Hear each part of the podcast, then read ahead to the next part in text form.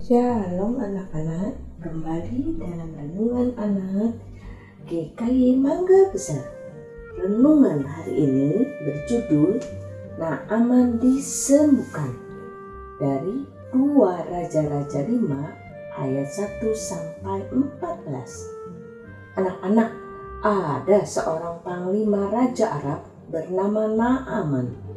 Ia sangat terkenal karena pandai berperang. Selain terkenal, ia juga memiliki harta yang banyak. Tetapi sayang, ia tidak bahagia. Kenapa ya Naaman tidak bahagia? Kalian tahu, ternyata Naaman menderita sakit kusta. Pada zaman itu, tidak ada obat untuk sakit kusta.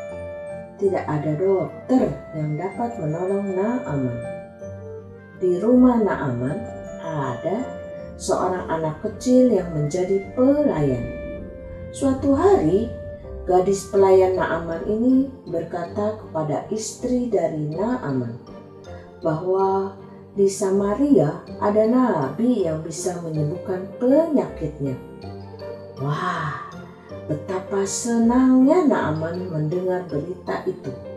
Dia langsung pergi ke sana Sampainya Naaman di sana, Nabi Elisa menyuruh Naaman untuk mandi di sungai Yordan sebanyak tujuh kali.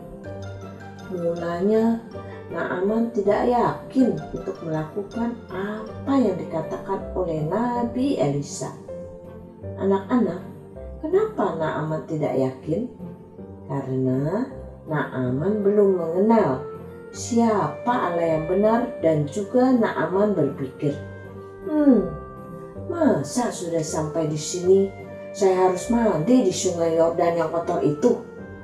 Di tempat aku berada, banyak sungai-sungai yang jauh lebih bersih daripada sungai Yordan. Tetapi atas dorongan pelayan-pelayan Naaman, akhirnya Naaman mau juga dia masuk ke sungai Yordan dan mandi di sana. Satu kali dia mencelup diri ke sungai Yordan. Belum ada hasilnya. Dua kali begitu juga.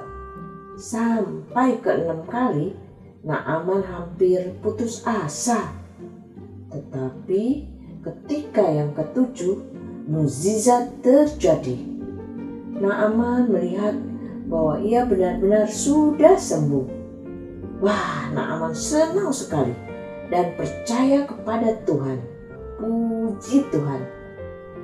Bagaimana dengan kalian anak-anak? Apakah kalian juga senang jika disembuhkan oleh Tuhan waktu kita sakit? Apa yang dapat kita lakukan jika Tuhan sudah menolong dan menyembuhkan kita?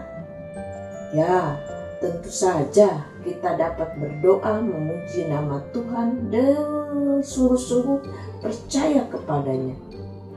Anak-anak, biarlah Tuhan selalu menolong kalian dan kalian selalu percaya kepada Tuhan. Amin. Tuhan Yesus memberkati.